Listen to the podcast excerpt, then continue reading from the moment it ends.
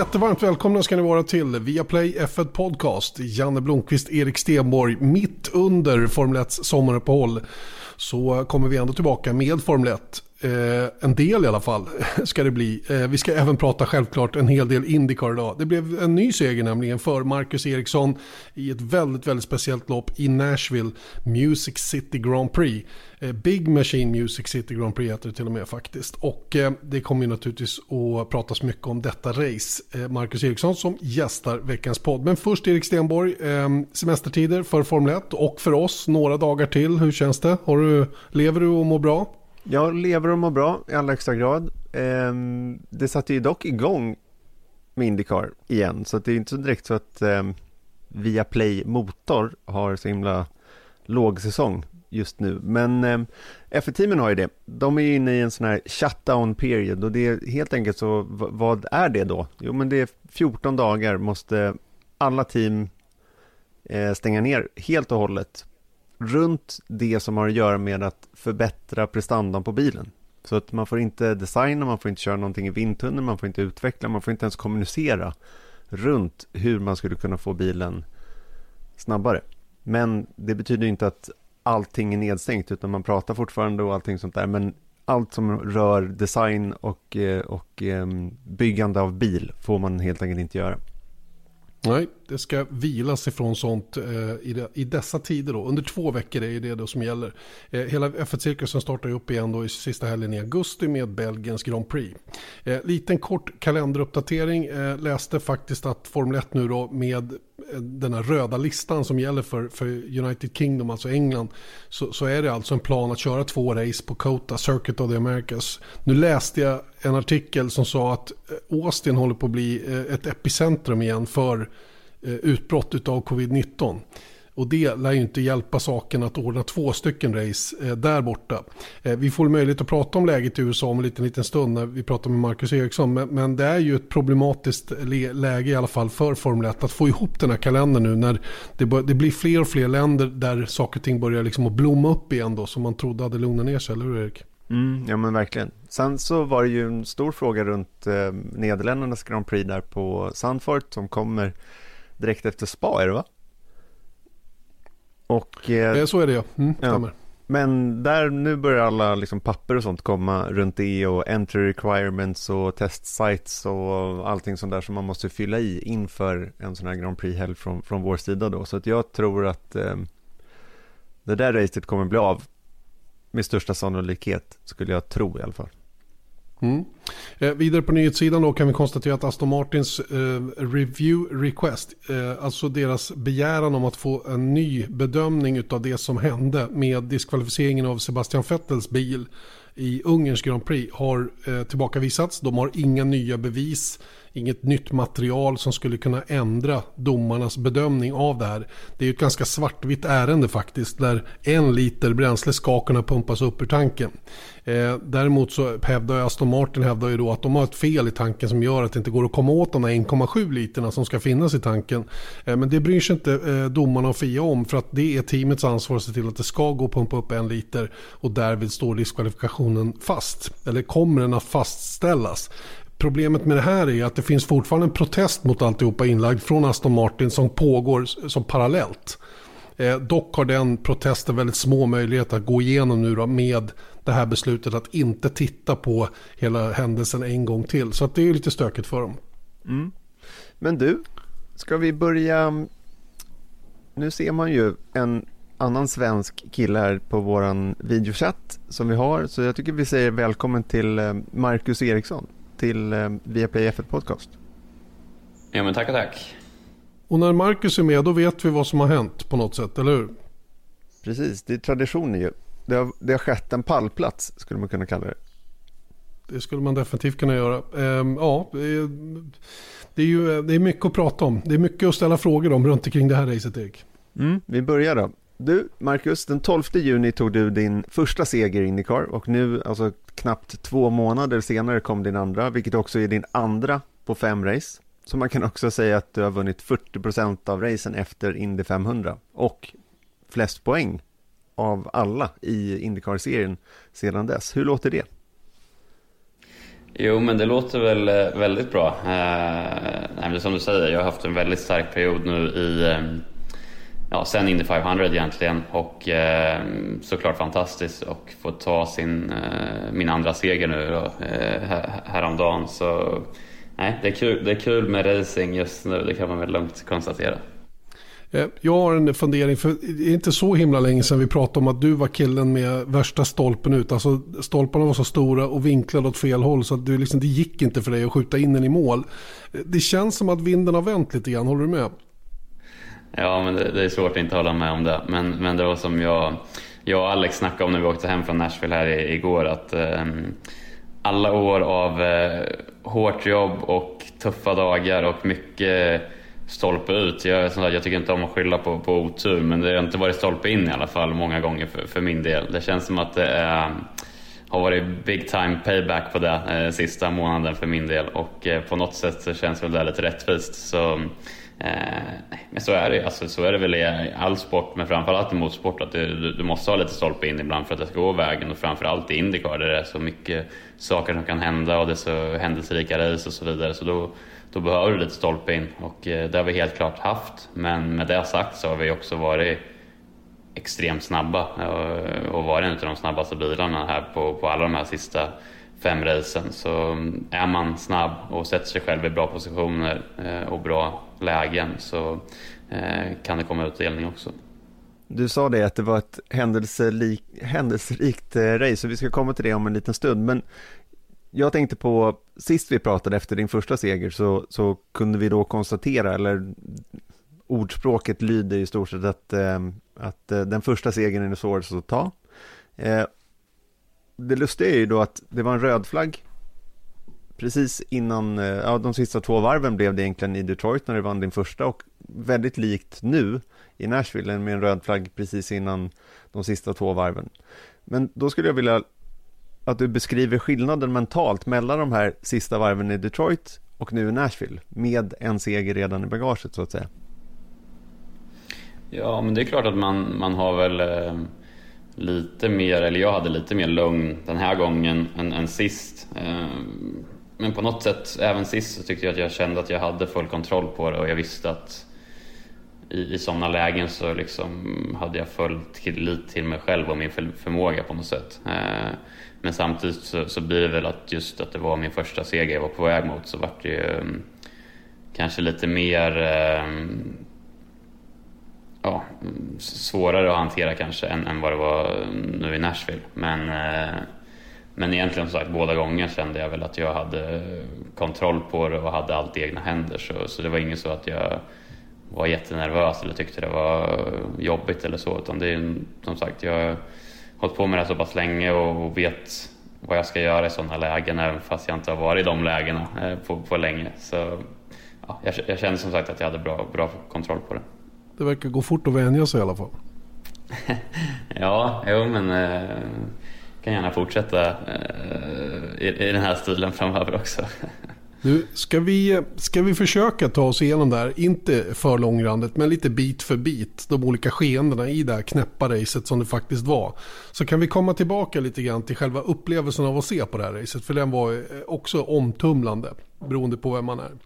Eh, men om vi börjar då, eh, starten var inga konstigheter, du klättrade några platser från 18 som var din startposition då efter ett litet missöde under kvalet. Eh, och sen var det uppe på 15 plats. Eh, jag tror det var Dalton Callett som fick fel på bilen och det blev eh, gul flagg. Den första av nio tror jag det var hela racet. Eh, och så kommer då omstarten som är på ett väldigt knepigt ställe på banan tycker jag. Green flag zone mitt i det mest trånga partiet på hela banan. Eh, du får green, green, green i öronen. Och vad händer sen? Ja, men om vi går tillbaka lite grann då. Först och främst så, så var jag, jag tycker hela helgen var jag väldigt snabb och liksom bilen kändes bra, körningen kändes bra. Så jag var otroligt besviken efter kvalet när jag, som, som du sa, gjorde den missen, slog i muren på en in, innermuren, eh, alltså en Apex-mur i kurva 3 och böjde till höger fram eh, som gjorde att jag inte kunde slutföra mitt varv på röda. Och, eh, så det var frustrerande att få starta på 18 rutan när jag verkligen kände att vi hade farten för att vara topp 6. Eh, så det var ju ja, först och främst, men jag kände ändå att jag hade goda förhoppningar inför racet och kunna göra ett bra race. Eh, som du sa, gjorde bra start, tog tre bilar där första kurvorna. Så var väl en av de som klättrade mest i, i första starten.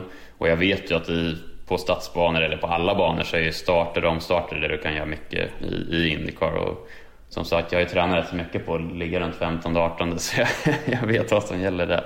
Eh, så nej, men jag gjorde bra, bra start och sen andra omstarten så igen var jag på hugget. Eh, som du sa, det är ett märkligt ställe att göra omstarterna på. Jag tror att rätt så eh, stor säkerhet kommer de ändra det här stället till nästa år så att vi inte gör omstarter just där utan på en av de långa rakerna istället. Men hur som helst så var ju omstarten där och igen, jag var på hugget, jag låg väldigt nära både det och så fort jag hörde grönt tryckte jag full gas. Eh, jag såg att både det drog framför också. Och sen av någon anledning så slår han av eh, och jag hinner såklart inte reagera utan jag låg precis i hans växellåda så då var det bara himlen och flög och jag var helt övertygad om att det var game over och slut på racet. Eh, men på något sätt så höll ju bilen även om framvingen eh, gick åt pipan. Och eh, framvingen la sig under bilen, under mina framdäck vid ett tillfälle så jag åkte in i muren när jag försökte ta mig runt. För det var ju hela varvet jag var tvungen att ta, ta mig runt för att komma tillbaka till depån. Var du inne i muren? Och då när jag slog alltså? i muren Ja, jag var inne i muren mellan kurva 6 och 7 och då när jag slog i muren och inte kunde styra så var jag ungefär en sekund från att parkera. Alltså jag, jag, tog in kopplingen och tänkte nu måste jag parkera för att jag kan inte styra bilen längre. Och precis när jag ska stänga liksom av bilen så hoppar det till vingen och liksom den släpper från framdäcken och jag får styrning igen. Och då bara, ah, okej, okay, ja, jag försöker ta mig runt till depån i alla fall. Wow. så nära var att jag parkerade. Och, eh, men sen när jag kollade på det här incidenten efteråt, jag, jag var ju liksom ångerfull över att shit, jag missade, jag skulle vara lite mindre het på gröten. Men sen när jag kollade på incidenten efteråt så är det tydligt att både det åker och sen slår han av av någon konstig anledning. Han är inte ens nära dem framför. Så jag fattar inte vad han sysslar med om jag ska vara helt ärlig. Jag vet inte varför han slog av.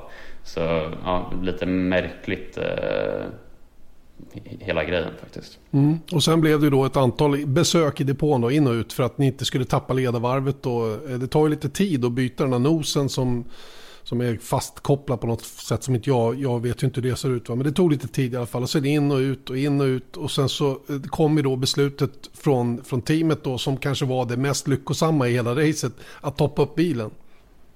Ja men precis, det blev ju några vänder in och ut ur depån där och problemet var väl att nosen var så söndertrasad så jag tror inte det var så lätt för dem att få av den, eh, det som var kvar av nosen. Och det var ju tight, det var ju precis att vi hann ut där innan och tappade ett varv och det var ju väldigt kritiskt. Jag satt ju där och bara kom igen, kom igen, få av den där nosen. Så det, vi klarade det precis och sen som du sa, in och ut ur depån.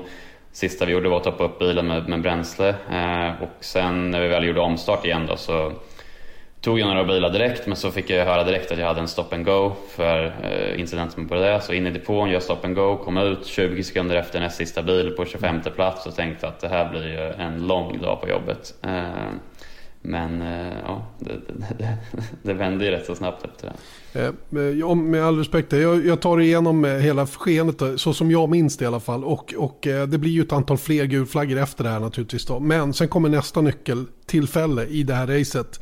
Eh, Will Power eh, som var eh, väldigt med hornen ute den här helgen eh, stökar till det ihop med Simon Pagenaud. Kommer inte ihåg vilken kurva det var. Eh, men, men Pagenaud eh, kommer inte runt den svängen, kör rätt in och det blir tvärstopp. Eh, men på något sätt så kommer killen med matjord i fickorna, Marcus Eriksson, och smiter förbi där. Bakom Dalton Kellett tror jag, som du nästan touchar i tror jag när du går igenom den här kurvan. Eh, men du kommer igenom oskadd och du är helt plötsligt tolva. Eh, och, och, och, då var det ju några gulflaggor innan som hade gjort att du dels hade fått kontakt med, med fältet och dessutom klättrat några placeringar innan dess. Va? Men, men här hände ju någonting som verkligen gjorde att du var ju med i matchen igen helt plötsligt. Ja men precis, det var en stor nyckel där. För det var ju många som eh, hade kunnat liksom hota mitt race som försvann där. Och jag som du säger, jag kom igenom det precis. Det var också en sån där grej med racet. Jag kom igenom precis som du sa, slog jag i kellet lite. Och när jag slår i kellet, det går så sakta då dör min motor, så jag får motorstopp. Men, men jag hinner koppla och jag rullar fortfarande så jag bumpstartar bilen och får igång den på någon jävla vänster. Och då kommer jag iväg då och eh, tar mig runt då när det blir röd flagg. Så det är så här, ännu en sjuk grej som, som hände under resans gång. Men då var jag som sagt 12 och hade ju alla bilar framför mig då som behövde in i depån. Så jag låg, låg liksom först på den alternativa strategin. Och jag var rätt så ensam på den strategin också så det var ju ett väldigt bra läge från, från den punkten. Då, då fattade vi alla att nu sitter vi i ett bra läge. Alltså, får jag bara hoppa in här? Med tanke på hur det blev, vad var liksom huvudnyckeln? För jag tänker liksom, hade du inte kört in i Bordeaux, hade du haft möjlighet att vinna racet? Men jag tror jag får börja med att göra sådär varje gång i början på racet. Nej men det, det är ju en konstig grej bara. Jag förstår att det inte var liksom så här, ja det, det, där måste man göra varje helg. Men liksom det var just att då hamnar du på sniskan mot alla andra. Ja, men jag tror att det är det som är grejen med Indycar, att det, det händer så mycket grejer i racen och jag blev ju på en unik strategi i och med att jag fick liksom toppa upp med bränsle där efter åtta varv eller vad det var. Och det var ju ingen annan som var på den strategin. Så, så det är klart att nu i efterhand så var ju det vinnarstrategin på grund av att det var så mycket gulflaggor och allt sånt. Och jag blev ju, det blev ju liksom en extrem undercut för mig eh, kan man säga. Eftersom jag bara behövde göra ett stopp till efter det.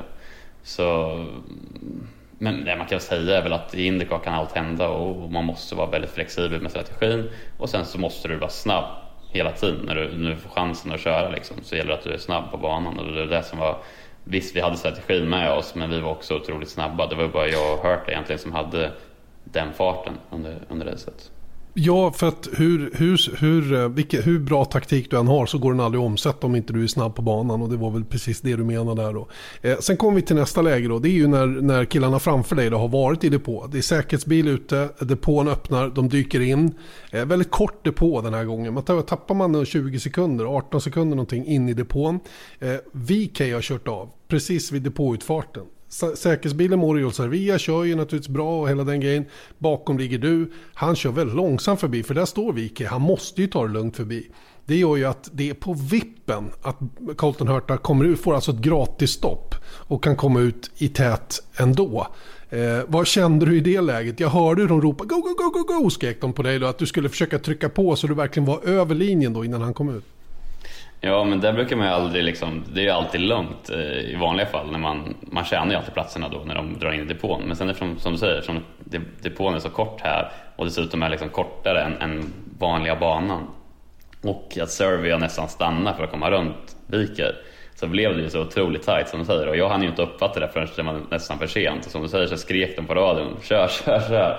Så jag tryckte ju full gas där för att hinna, hinna över linjen.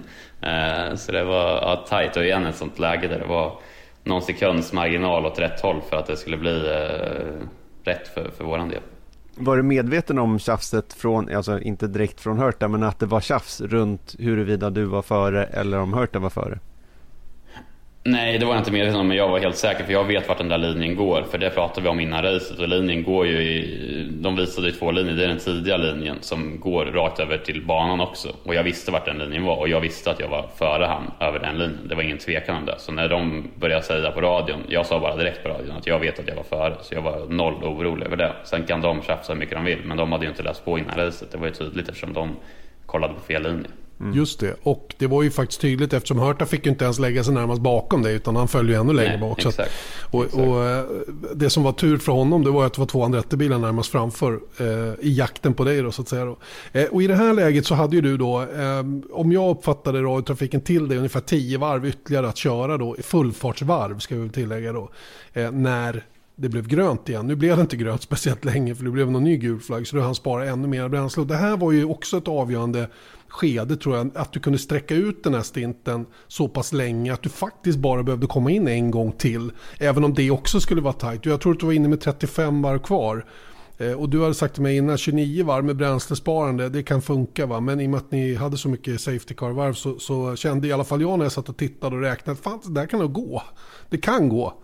Eh, och sen fick du ju banposition då. Och, och, så började racet då med en, en Colton Hurta då som när han då hade gjort sitt sista stopp föll till åttonde tror jag. Eh, så han, han hade ju ett rätt så bra race sett till allt som hände i alla fall med tanke på hans speed. Och han körde ju om bilar både till höger och vänster till han kommer ikapp dig. Vad var det som gjorde att du då med stora bränslenummer som måste hålla igen mycket lyckades hålla undan? Vad var liksom nyckeln till det? Nej, men jag tror st stora grejen var väl att, eh, ehm, som du säger, Hörta var ju onekligen snabbast hela helgen. Körde om allt och alla. Eh, som sa, han kom ut åtta där med nya däck och körde om alla bara efter något varv. Men sen, jag fick ju några varv och liksom träna lite bränslesparande där under racets gång. Så när han tog sig förbi Dixon och var närmast bakom mig så eh, så, så var det bara för mig. Jag teamet sa ju på radion, nu kommer Hurta, han är på nya däck och har inget bränsle som behöver sparas. Så liksom, vi gör vårat race. I stort sett liksom, fightas inte för hårt men gör vad du kan. Eh, var väl liksom meddelandet. Eh, men jag kände ändå att det var så pass svårt att köra om och jag visste vart, vart du kan köra om. Eh, så jag försökte lägga upp en plan i mitt huvud. Eh, jag vet, eller jag har mycket erfarenhet från mina år i F1 och Indycar. Eh, hur man sparar bränsle och kan köra snabbt fortfarande. Eh, hur man sparar däck och så vidare. Det är några av mina hur, styrkor hur gör man? som förare. Nej, men det är lift and coast det handlar om. Men sen gäller det att lift and coasta mycket på de ställena där man vet att du inte kan bli omkörd. Och sen trycka allt du kan på de ställena där du vet att du kan bli omkörd. Och det var väl det som jag verkligen fokuserade på. Jag la allt fokus på kurva 3 och kurva 8 och verkligen sätta dem varje gång. Och eh, lyckades väldigt bra med det. Det var lite kul för att jag hörde både på er sändning och på NBC-sändningen så var alla övertygade om att jag hade mindre downforce och snackade om att det var ett så bra beslut. Jag hade exakt lika mycket downforce som Hurt det. var bara det att jag satte den kurvan varje, varje varv på kurva 3 och kurva 8 och jag tryckte två sekunder push to pass ut ur de kurvorna varje gång för att få rycka ifrån från hans, eh, så han inte skulle vara min slipstream ut på rakerna.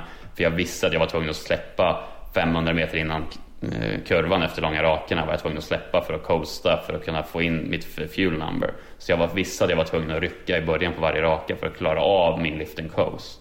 Så det var väldigt, väldigt mycket taktik i körningen. Det var extremt pressat. Dessutom så höjde de mitt fuel number typ fyra gånger under den där stinten när Hurta låg precis i växellådan. Så det var extremt tufft liksom att, att klara av det. Men eh, tror jag sa det efteråt att jag tror att det var min bästa prestation i min karriär att klara det och eh, så kändes det efteråt också liksom att det var, mm. nej, det var häftigt. Ja, det må man ändå säga. Och jag hörde ju att Andretti ville ju stressa, eh, vill Andretti ville att Hurta skulle stressa dig till att överanvända dina röda däck som du också hade, har vi inte nämnt. Och att kanske använda lite, lite mer bränsle då än vad du hade tillgång till. För det var de också tydliga med att du var maybe in fuel trouble. Eh, nu slutade det ju med att han då först gör ett, eh, ett halvhjärtat försök tycker jag att det var i alla fall, som nästan hade tagit ut det båda två. Nu klarade han den gången, tappade då luckan till dig, blev över två sekunder där ett tag, men den krympte ganska fort ner till en sekund och sen får man bilder, pang, sitter han i muren. Så det var ju han som stressade sig till ett misstag snarare än att du gjorde det. Eh, och det här tycker jag är lite Colton Hurta i ett nötskal i år. Han är ju så sjukt snabb killen, är ju vansinnigt bra på att köra racerbil, men han saknar, lite, han är lite Verstappen-aktig. Eh, jag tror det var du Erik som sa det till mig igår när vi pratade, att han är åt, åt Verstappen-hållet i hans unga ålder. Mm. Jag tycker det i alla fall, men det är just bara för att han Ingen snack om att han är snabb, men det var just också att ibland så helt plötsligt så går han över, över gränsen. Men, men eh, Marcus, hur såg du på, ja, du har berättat lite om hur det var att jagas av honom, men sen så när det gick över styr helt enkelt för Hurta. Ja, nej men det är som du sa, han var ju, jag tror han var jäkligt stressad över att han inte kom förbi mig helt enkelt. Han hade kört om allt och alla efter typ ett varv och sen kom han upp till mig och jag tror att han hade bara räknat med att han skulle blåsa om mig också. Och sen märkte han att shit, jag kommer inte om den här killen. Och, och då tror jag han var väldigt frustrerad. Man hörde efteråt på hans radiotrafik att han skrek och liksom, måste han inte in i depån igen? Varför, varför är han så snabb på rakerna? Varför måste han inte spara mer bränsle? Måste hans däck? Liksom, han, han var ju superstressad över varför inte jag var långsammare och varför han inte kom förbi mig. Och det var väl det som var tydligt, att han, han han blev överstressad över det och bara började köra över gränsen. Och som sagt, han var ju på väg in i muren minst en gång eh, redan innan han kraschade. Och, eh, och sen ja, bara laddade han för hårt och körde in i muren. Och jag såg också efteråt att folk diskuterade om jag hade liksom att rödflaggen räddade mig från att få soppatorsk och så vidare och, och, och, det var ju inte heller fallet utan jag följde mina nummer och vi, teamet berättade efteråt att anledningen till att de höjde numren var ju för att de ville ha en marginal, en felmarginal som var liksom, jag hade klarat mig på det första numret jag fick. Men de ville ha en felmarginal så att det verkligen inte kunde bli att jag skulle få soppatorsk. Och jag satte ju de här större fuelnumren. Jag satte alla nummer. Jag ville ha exakta nummer från dem och de gav mig exakta nummer. Och de satte jag på alla varv. Så det var ju inga problem eh, att klara mig hela vägen till mål. Hur ser det ut för dig som förare? När de säger, eh, vad, vad, vad är det de säger? Och vad ser du på, på ratten till exempel? Så jag ser hur många eh, miles per gallon jag, eh, ja, hur långt jag kommer per gallon på ratten efter varje varv. Så jag, på den här banan så, så körde man 3,2 ungefär miles per gallon på ett vanligt varv när du kör liksom ingen lift and coast. Eh, du, skulle, du kommer upp i 3,4 eh, med en hel del lift and coast. Så det var liksom där vi räknade på om du skulle fuel save så behövde du göra typ 3,4 var ett rimligt fuel saving nummer. Till mig sa de ju först 3,49 som var redan i största laget. Sen sa de 3,55 Sen sa de 3,60 och sen 3,65 var det sista siffran jag fick. Och det var ju liksom började bli, då var det svettigt att klara av att hålla tempot. Men det var de grejerna och då får jag följa varje varv. Jag ser ju då hur mycket jag savear varje varv. Så när jag lyfter då ser jag att ja, det var inte tillräckligt eller det var bra eller så vidare. Så det är inte i realtid man ser det utan det är när du passerar Nej. över mållinjen. Det är också Exakt. ett litet hinder. Och det, jag, menar, jag blir sjukt imponerad av det här. För jag, man tycker att ni kör ju... Jag kan inte uppfatta att du kör lift and coast. Ja, man kan se det på någon onboard att du går av gasen lite tidigare och rullar några meter extra, bromsar lite senare och hela den grejen. Men, men jag vill att, att kunna göra det här. Men du, du säger själv att det här kanske var din absolut bästa prestation i det avseendet. Då. Och, och um, hur mycket är det, är det Formel 1 liksom i ryggmärgen där, lift and coast? För det är ju två väldigt olika bilar trots allt. Nej men det är ju alltså, det är ju det jag har lärt mig. Jag menar jag var fem år i Formel 1, det är det längsta jag varit i någon serie. Så det är klart att det har format mig som förare mycket. Eh, men sen har jag ju utvecklat, alltså jag känner som sagt att det är en av mina största styrkor. Och, vara smart i racen, vara smart med bränsle, vara smart med, med däck och liksom ha, ha en tanke bakom vad jag gör hela tiden. Och, och det är väl som sagt en av mina största styrkor och det är kul när man hamnar i ett sånt här läge för då kände jag verkligen också att det här är, det här är min specialitet. Det här läget är liksom det kan inte bli ett bättre läge för mig för att nu kan jag använda alla mina största styrkor som förare och eh, det gjorde jag och använde det till max för, för att ta den där segern. Det här racet i Nashville blev ju väldigt omdiskuterat. Eh, jag vet att Marshall Pruitt beskrev det som en shit show. Eh, och det kan jag tycka är onödigt för att så illa var det inte. Va? Det var inte det bästa eh, racet som Indycar kunde erbjuda. Det kan jag också hålla med om. Det var en hel del slarv och massa konstigheter i organisationen och sånt som gjorde att det blev som det blev. Men, men, men eh, naturligtvis så är ju många förundrade över att man kan göra en sån lufttur som du gör på varv nummer fyra. Bilen håller ihop som tur är och, och i slutändan går du och vinner. Känner du någonstans att du vann oförtjänt? Eller kan du vara stolt över den här segern? Det förstår jag att du är. Men du fattar vad jag menar lite grann, nyanserna i frågan. Eh, känns det på något sätt som att du fick den till skänks? Eller vad, vad, hur går dina tankar? Nej, det tycker jag inte. Jag tycker självklart hade jag stolpe in, eh, men jag fick, jag fick ett straff som jag som sagt tycker var lite hårt, men fine, jag tog det. Jag fick straffet, jag tog straffet, jag började om, tog sist. Ehm, och sen som sagt så hade vi stolpe in, det är ingen tvekan om den här saken. Men som sagt, hade inte jag varit snabb, hade inte jag varit ja, snabb när jag behövde och kört om det jag behövde, gjort bra omstarter och så vidare så hade jag aldrig vunnit det här racet. Så det, det är så det är och, och det är fakta. Och, eh, eh, ja, det, det, är väl egentligen så, så mycket jag kan säga runt det. Om man då ser till själva banan och allting sånt där. Alltså jag, jag och Janne pratade lite innan vi, vi började spela in här om att det är ju både han och jag och även du, i liksom, vår bakgrund är ju Formel 1 någonstans. Eh, helt klart på olika nivå jämfört med dig då. Men, men det är just så här, det är där man på något sätt har sin egen standard om hur det ser ut och hur det fungerar. Sen så är ju då Indycar ganska mycket mer av ett så här spektakel. Det blir ju mycket mer eh, rörigt och, och, allt vad det är. Och då tänker jag bara som en sån grej som, som banan, hur den såg ut och hur den var utformad. Hur, hur ser du på Indycar idag och även då Nashville-banan? Hur, hur, tycker du att det är att köra den om du är då van vid eh, F1 och hur det fungerar i Europa så att säga? Jag tycker banan var grymt rolig att köra. Eh, när jag såg layouten innan helgen tänkte jag att det här blir nog en tråkig stadsbana. Liksom. Men eh, jag tycker den var sjukt rolig att köra. Väldigt utmanande, väldigt ojämn och hoppig. Olika asfalter på, i olika kurvor, så det var olika greppnivåer. Eh, något jag gillade var att det var murar hela tiden. Det var liksom inga curbs eller någonting. Det var bara murar på insidan, på utsidan. Noll marginaler för, för misstag. Så det var verkligen en sån här bana som, alltså den påminner en hel del om Macau tycker jag. Eh, hur Macau är, att det, liksom, det finns inga curbs eller någonting, det finns ingenting att spela på utan det är muren som är, du ska slicka muren så nära du kan hela tiden. Och det gör att det tar ut så himla mycket av oss förare. Att du måste vara så himla precis, du måste kunna ligga på gränsen utan att gå över den. Eh, det blir en riktig förarbana. Så nej, jag tyckte det var grymt. Sen var det ett grymt event med massa fans och jättebra stämning. Eh, så jag tycker det var succé på alla sätt och vis. Sen är det klart att det blev ett för mycket liksom incidenter i racet som inte kanske var bra för, för racets gång. Men jag tycker inte det är så mycket bana. Jag tycker som sagt det var fel där omstartzonen var och det var en av sakerna som gjorde att det blev mycket eh, incidenter. Hade man ändrat det och gjort det, att det där starten var så tror jag att det hade eliminerat mycket av de här incidenterna som hände. Så det tycker jag var en grej som liksom Indycar får lära till nästa år.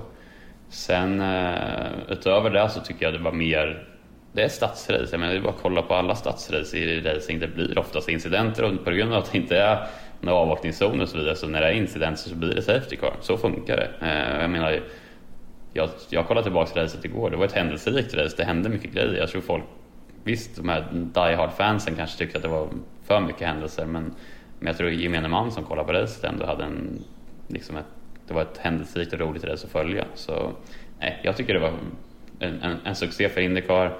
Jag tror att vi fick mycket nya fans eh, av det här racet för att det var som sagt så mycket fans mitt i stan där. Så nej, jag, jag, jag tycker det var superbra. Du kommer gärna tillbaka till Nashville med andra ord? Vä väldigt gärna. Väldigt gärna. Alright. Eh, Erik, något mer att tillägga innan vi stänger Indycar-burken för idag?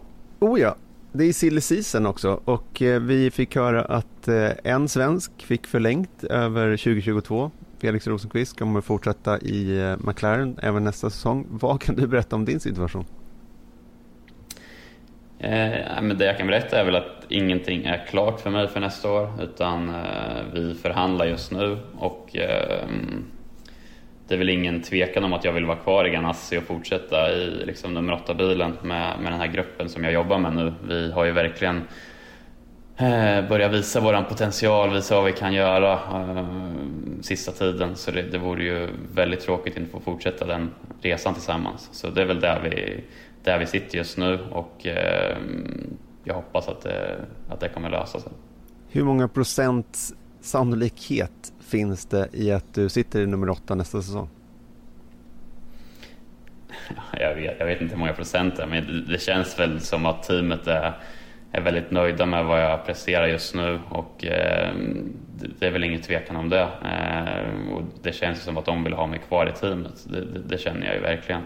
Eh, men det, det, det, gäller ju för dem att eh, få det att gå ihop ekonomiskt också såklart. Och eh, det är väl det som det, jobbas på just nu. Ehm, så vi, får se helt enkelt här framöver men det enda jag kan göra är att försöka fokusera på att leverera på banan och, och, visa att jag ska få en chans nästa år. Och det är det jag, jag jobbar för fullt med, att liksom fortsätta hålla i en bra form och, och visa att jag ska få chansen att vara kvar. Ditt förhandlingsläge blev inte sämre kan man ju säga i helgen som var. Nej, men det känns som att sista månaden eller två har, eh, har inte gjort eh, förhandlingsläget så mycket sämre i alla fall. Uppfattar du att folk ser på dig på lite annorlunda sätt? Går tongångarna annorlunda nu i depån? Eh, eller är det bara en navelskåderi? Jag vet inte. Det är ju som sagt, ja, när jag vann i Detroit så var det väl inte så många som tyckte så mycket och när jag vann i Mid-Ohio så, eller vad säger jag, när jag kom tvåa i Mid-Ohio så så var väl inte heller så mycket, jag vet inte, folk gillar väl att kolla åt andra hållet när det går bra för mig. Jag vet inte varför. Men, eh, men det börjar bli svårt nu när det går så bra så länge och när jag har levererat på den här nivån gång efter gång så mm, även de största kritikerna borde väl kunna se vad jag gör på banan. Eh, mm. Även om det gör ont för dem att, eh, att gå så pass bra. Jag tänkte så. mera på liksom internt i, form, i Indycar-depån där. Om liksom ring, börjar det ringa från team nu till, till, till din manager och sådana grejer? Ja, men det känns som att, eh, det känns som att eh, folk i depån börjar lägga märke till vad jag gör. Absolut. Indy Road Course kommer till helgen. Några slutord runt det innan vi rör oss vidare mot Formel 1. Hur ser du på racehelgen som kommer? Ja, men det ska bli, eh, ska bli kul med race igen såklart. Eh, Indy Road Course är en bana som alla team kan utan och innan och alla förare kan utan och innan. Så det är verkligen en sån där bana som ja, det kommer bli tight igen med små marginaler. Eh, vi som team känner väl att vi inte hade den starkaste helgen där sist eh, när vi körde det för några månader sedan. Men vi känner också att vi har utvecklats sen dess på... Eh, ja, vi, har, ett bättre grundpaket på, på, på road courses sen vi var där sist. Då, så vi hoppas och tror att vi ska kunna vara med och fighta som segern där såklart. Det är målsättningen. Så det, det är bara att ladda om. Ehm, som sagt, jag går in i helgen med riktigt bra självförtroende och eh, bra form. Så det, det finns goda förhoppningar om en, en, en bra helg för oss. Bra Marcus, tack för det. Då har vi pratat Indycar. Eh, vi ska ta en kort paus bara, men sen är vi tillbaka och så ska vi eh, snacka lite grann om första halvan av Formel 1-säsongen och då behåller vi Marcus som får tycka till lite grann om det som har hänt. Ni lyssnar till Viaplay F1 Podcast som eh, av rätt bra anledning då handlat en hel del om Indycar så här långt. Marcus Eriksson gästar, Erik Stenborg och jag har pratat eh, eh, senaste racet i Nashville med Marcus som blev alltså en, en ny seger då, den andra karriären. Nu ska vi ägna oss åt Formel 1 istället Erik, för nu eh, vill vi naturligtvis veta lite grann vad, vad vår gäst tycker om den här första halvan av säsongen. Precis, vi brukar ju dela ut eh, tummar upp och ner efter varje racehelg. Nu har det gått eh, väldigt många, nu har det gått en halv säsong i, ehm, eh, i Formel 1 och eh, vi kanske inte ska ge tummar upp och ner, men vi kan väl gå igenom några av Marcus höjdpunkter och eh, så, så, att säga lågpunkter under säsongen. Så, och jag vet att du har, du har förberett dig hela natten, Marcus. Exakt, jag har legat vaken och klurat på det här så nu, eh, nu jäklar, håll i er. Men, men du, jag är lite nyfiken på, eh, vad, om, om du tänker tillbaka då sen det började i mars fram till nu. Vad, vad, liksom, vad är det första som kommer, kommer på näthinnan av saker som har varit bra? För mig så är det Hamilton versus Verstappen. Det är liksom den fighten vi har väntat på i så många år. Att någon verkligen ska utmana Hamilton. Och eh, att det just ska vara Verstappen är väl det som alla har, har väntat på på något sätt. Och nu har vi ju fått den här fighten mellan de här två superstjärnorna och eh, ändå haft två bilar som har varit på någorlunda jämn nivå eh, så att de har liksom kunnat fighta. Så vi har ju haft eh, många häftiga mm, dueller på grund av det. Och eh, som sagt, jag tror att det är det bästa som kan ha hänt för, för Formel 1 och för intresset för Formel 1 och eh, det har varit häftigt att följa och ska bli häftigt att fortsätta följa eh, resten av säsongen. Med tanke på det då, hur ratear du dem som förare utifrån vad du har sett i år? Jag förstår att det finns väldigt mycket mer att falla tillbaka på liksom om, man, om man blickar tillbaka under hela deras karriärer. Men just i år, vem, vem har, tycker du har liksom utmärkt sig mest? Jag tycker det är svårt att välja en utav dem. Jag tycker båda två har levererat på en väldigt hög nivå. Eh, jag tycker att, som sagt, Verstappen, man har väntat på att han ska få en bil där han kan utmana om ett mästerskap och nu har han fått det och då har han verkligen visat hur, hur, hur bra han är.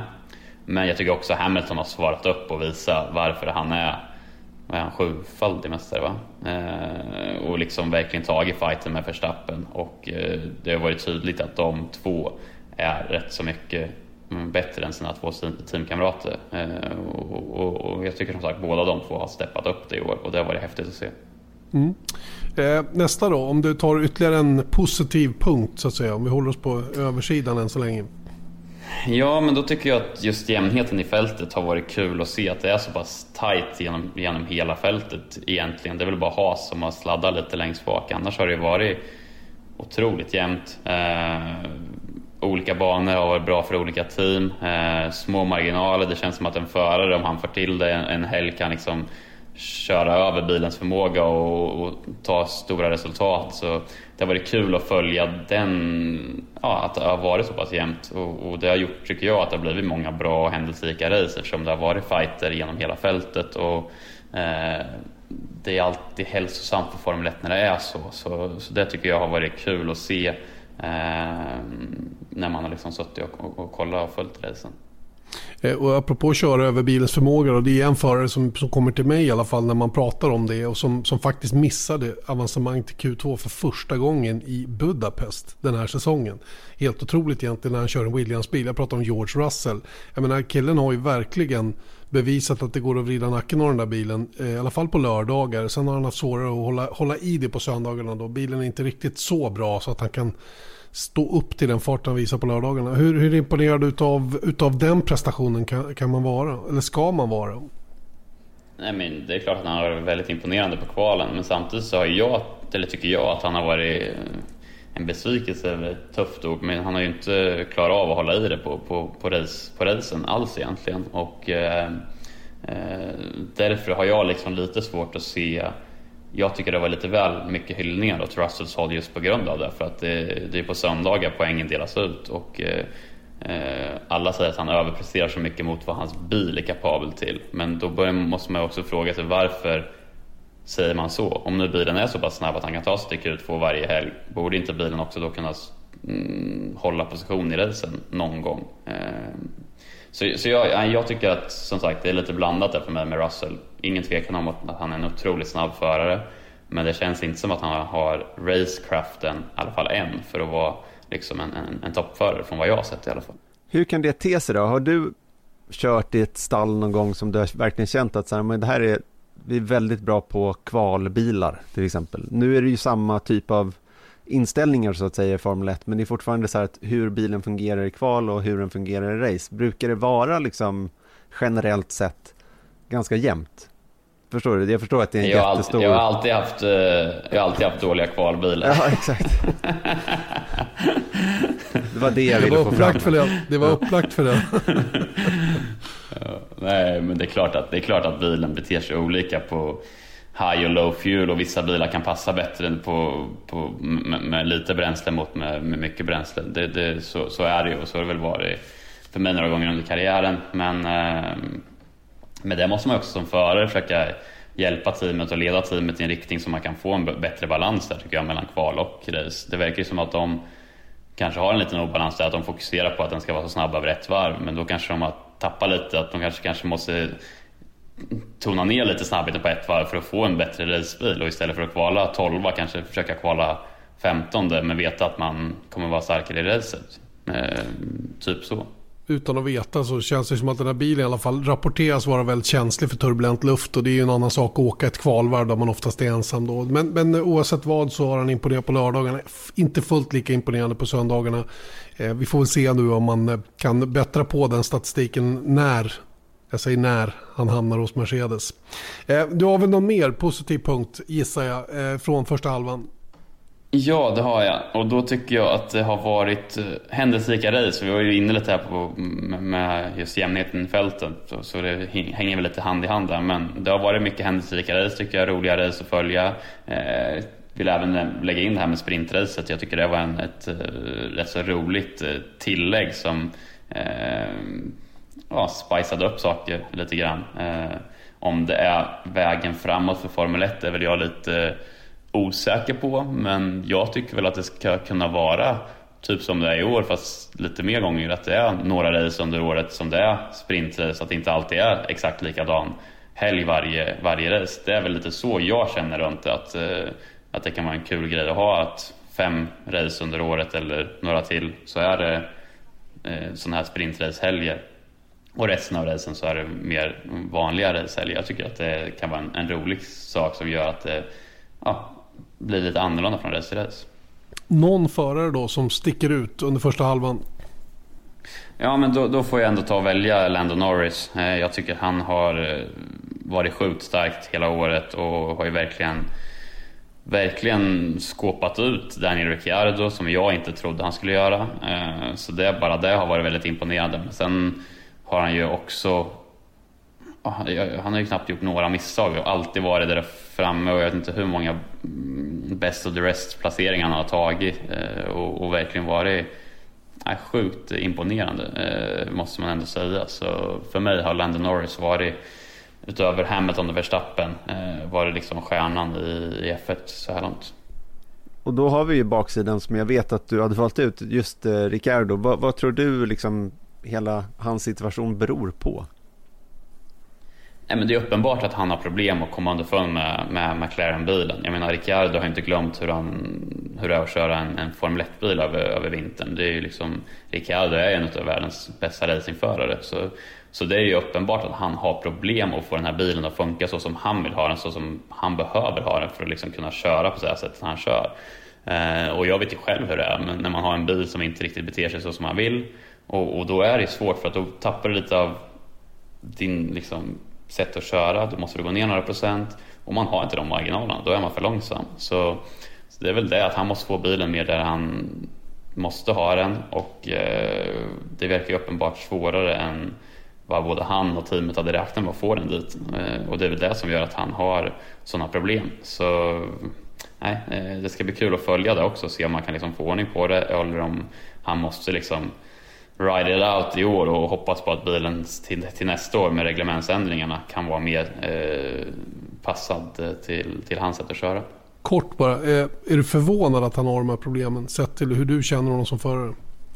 Ja, men jag är, jag är förvånad. Jag trodde han skulle komma liksom underfund med, med den här bilen rätt så, rätt så snabbt eftersom den är så pass bra bil också. Den har ju liksom varit väldigt bra, McLaren-bilen. Så ja, jag är lite förvånad att det varit sådana problem och att han har varit så pass långt efter Norris som han ändå varit eh, överlag.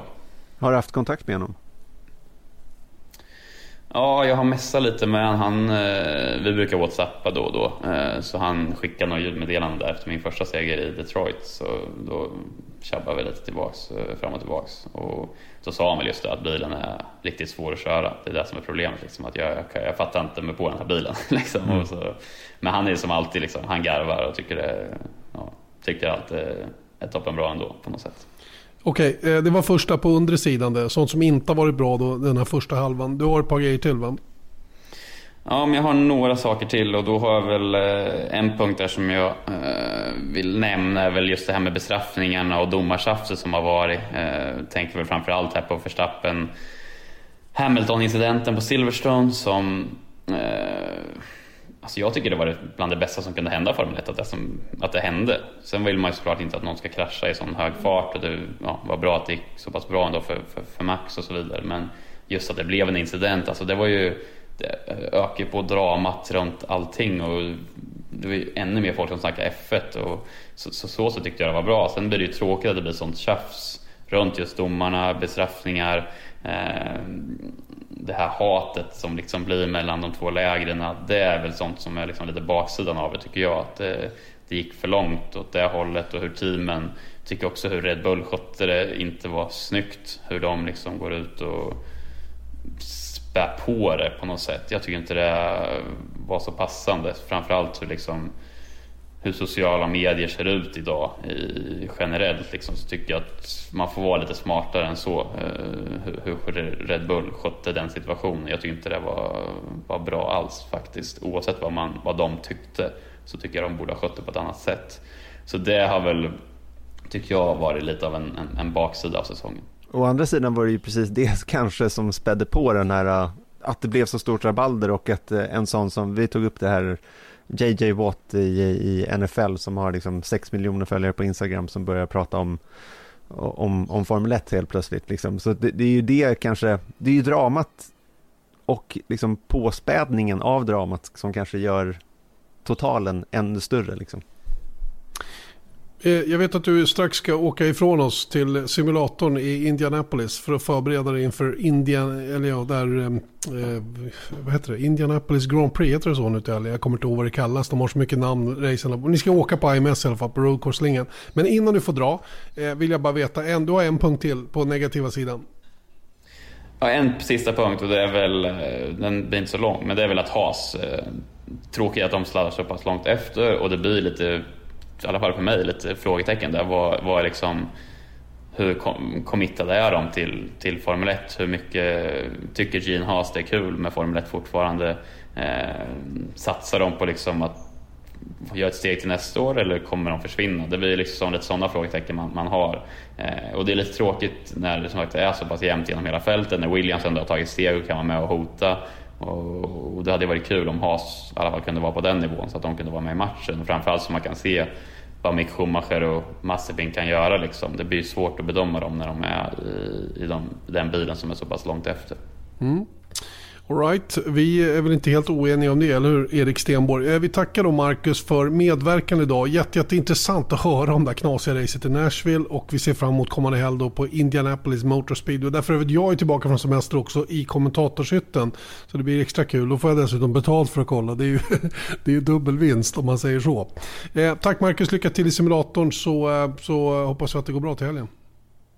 Tack, tack. Ha det bra. Mm, vi är väl inte riktigt, riktigt klara med eh, Formel 1-snacket. För det första kan man ju tycka att eh, jag har inga, inga mm, issues med det som Marcus eh, tog upp där. Tycker du det var någonting han, han, eh, som fattades dock?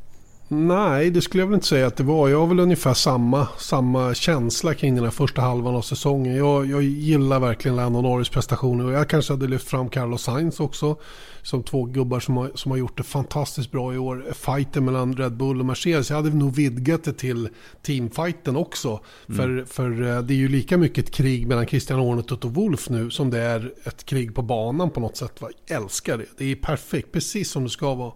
Så att, äh, jag, är, jag är enig med Eriksson runt omkring de här grejerna. Men det, det som ligger på näthinnan när han har lämnat oss nu, det är ju den här, alla de grejer han var med om i det här racet i Nashville. Vilken, vilken story egentligen. Och hur nära det var att han faktiskt la ner eh, ett par gånger där utan, um, um, ja, på grund av saker som hände. Mm. Det kanske är dags för Marcus Eriksson att få en ombordkamera av Indycar.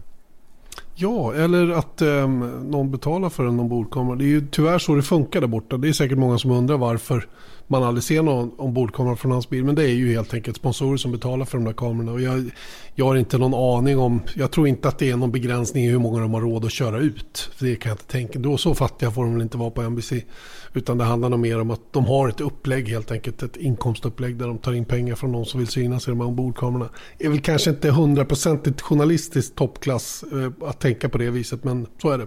Nej, jag tror i och för sig då med tanke på att förr i tiden var ju ombordkameror väldigt eh, tekniskt avancerat. Nu är det ju mycket mindre så. Så jag tycker att det som är lite förvirrande tycker jag är de kan ju ha dem där och sen så händer han någonting. Har ju kam ja, men han har ju en kamera som rullar och går hela tiden. Så bandas gör det ju. Så de ja, exakt, som, bara, som kan komma ut. Och det är det jag menar att mm. då, då, när det väl händer någonting. Som, som till exempel det här varvet hade varit ganska mm. journalistiskt viktigt att visa på väg in då. Typ. Eh, typ. Då, då kan man väl eh, hoppa över betalningen för någon gång. ja, det är mycket man kan tycka runt omkring NBCs Indycar-sändningar. Vi får vara tacksamma för att de visar Indycar eh, för oss och att vi får möjlighet att följa våra båda svenskar och som sagt eh, Marcus då som har en väldigt bra flyt just nu då och faktiskt där Felix Rosenqvist gjorde lite grann av ett genombrott i helgen som var också då med, med bra fart generellt rakt igenom. Va? Sen hade inte han det där sista flytet i själva racet men det var rätt många som inte hade så det var han inte ensam om. Det viktiga var att han kände sig bekväm med bilen igen vilket var ett tag sedan tror jag för Rosenqvist del. Mm. Eh, innan vi stänger då Erik, eh, ett par saker till om Formel 1. Eh, vi nämnde inte det i början där, men, men eh, vi har ju kunnat läsa oss till att Ferrari faktiskt kommer med en, en, en rätt signifikativ förbättring på sin motor under hösten. Eh, tidigast efter Italiens Grand Prix. De hade nog helst velat ha den till Italiens Grand Prix, men det ser ut att bli efter Italiens Grand Prix och det handlar ju om att de allra flesta då använder sina tokens på motorn då innan säsongen började. Då. För mellan säsongens slut förra året och säsongens slut i år så får man alltså komma med en uppdatering. De allra flesta gjorde det då när säsongen startade för att ha den. Då. Den specifikationen får man då köra vidare med. Ferrari har dock valt ett antal delar i motorn då som har påverkan på prestandan som de kör som är från förra året. Som de då har möjlighet att uppdatera till i år. Och eh, det är tanken att de ska göra då eh, någon gång under hösten här. Och det sägs ju vara en signifikativ förbättring enligt Mattia Binotto. De säger själva att på en bana som Spa till exempel är de 6-7 tiondelar för långsamma. Och där 5-6 tiondelar är motorn helt enkelt. Så det är klart att de är, de, de är i stort behov av mer effekt, eh, mer körbarhet och allt vad man nu får ifrån en sån förbättring. Mm. Och det, man kan ju förstå den här väntan då på att introducera den här för att verkligen se till att den här sista uppdateringen, för efter den här så, så fryses ju eh, motorerna. Så att det här är liksom deras sista chans att få det rätt. Får de inte det då sitter de ju på, på i stort sett samma motor fram till 2025-2026. Mm. Och då får man ju säga att de har gjort ett bra jobb med bilen i år. Sett till vilken enorm förbättring det ändå blev då från 20 till 21. Eh, med en begränsad uppdatering. Och så kommer då slutfasen här nu då. Och det var kanske därför som, som Ferrari, eftersom de har vetat om det här arbetet, att de kunde gå med på ett, en frysning av reglementet då efter den här säsongen. Eh, det som Red Bull då lobbade fram för att de skulle kunna ta över Hondas motorer och driva dem i egen regi. Eh, för övrigt så är det lite surr just nu om olika motorkoncept för 25 och framåt när det nu blir för övrigt. Eh, och där ett par, eh, Red Bull bland annat då, kan tänka sig att gå ner i cylinderstorlek till och med. Gå ner till fyror och köra ännu mindre motorer nerskalat. Medan ehm, jag vet att Alpin och Mercedes gärna stannar kvar vid den, den del man har nu. Denna V6 och optimerar mera så att säga. Då. Vi får se lite grann vad det där tar vägen. De kommer säkert att komma överens vad det lider med någonting som är gångbart för alla när det gäller framtidens Formel 1-motorer. Det där pratade vi länge och väl om eh, för ett par, par veckor sedan. Då, bland annat med Expressens motorexpert Jan-Erik Berggren. Mm. Men du, ska vi säga så för den här veckan och sen så återkomma med någonting alldeles nytt och fräscht till, ehm, till kommande vecka? Ja. Ja, det tycker jag låter jättebra. Och du vet, man har ingen aning. Det kan ju vara en Indycar-förare som är med igen nästa vecka. Så kan det ju vara. Blir det pallen så blir det F1-podden. Så det är ju liksom bara att tugga i sig det. Nej, det är, nu, vi, nu måste vi höja ribban lite. Nu vill vi ha båda på pallen, eller? Eller, eller ska vi göra så att det blir bara segrar som kvalificerar ja, ja. ja, exakt, exakt. Ja, jag tänkte mer på att vi höjer ribban på vad vi förväntar oss och önskar oss. Så att vi kan få båda grabbarna med på pallen. Visst, jag går för segrar. Du menar att man får inte vara med i podden förrän man vinner? Nej, det kan ju vara så. Det är ju så. Det här är inget, det här är inget media man bara liksom. får vara med i. Nej, man vill inte devalvera liksom hela, hela grejen. Exakt. Så är det. Hur som helst, nu har vi eh, blandat färdigt. Eh, tack Marcus Eriksson för medverkan idag. Jätte, jättekul att höra om det här racet i Nashville som sagt. Och Erik, du och jag är som sagt tillbaka då på, eh, med en ny podd nästa vecka och den är ute då nästa tisdag. Ha det gott tills dess. Hej då! Hej då!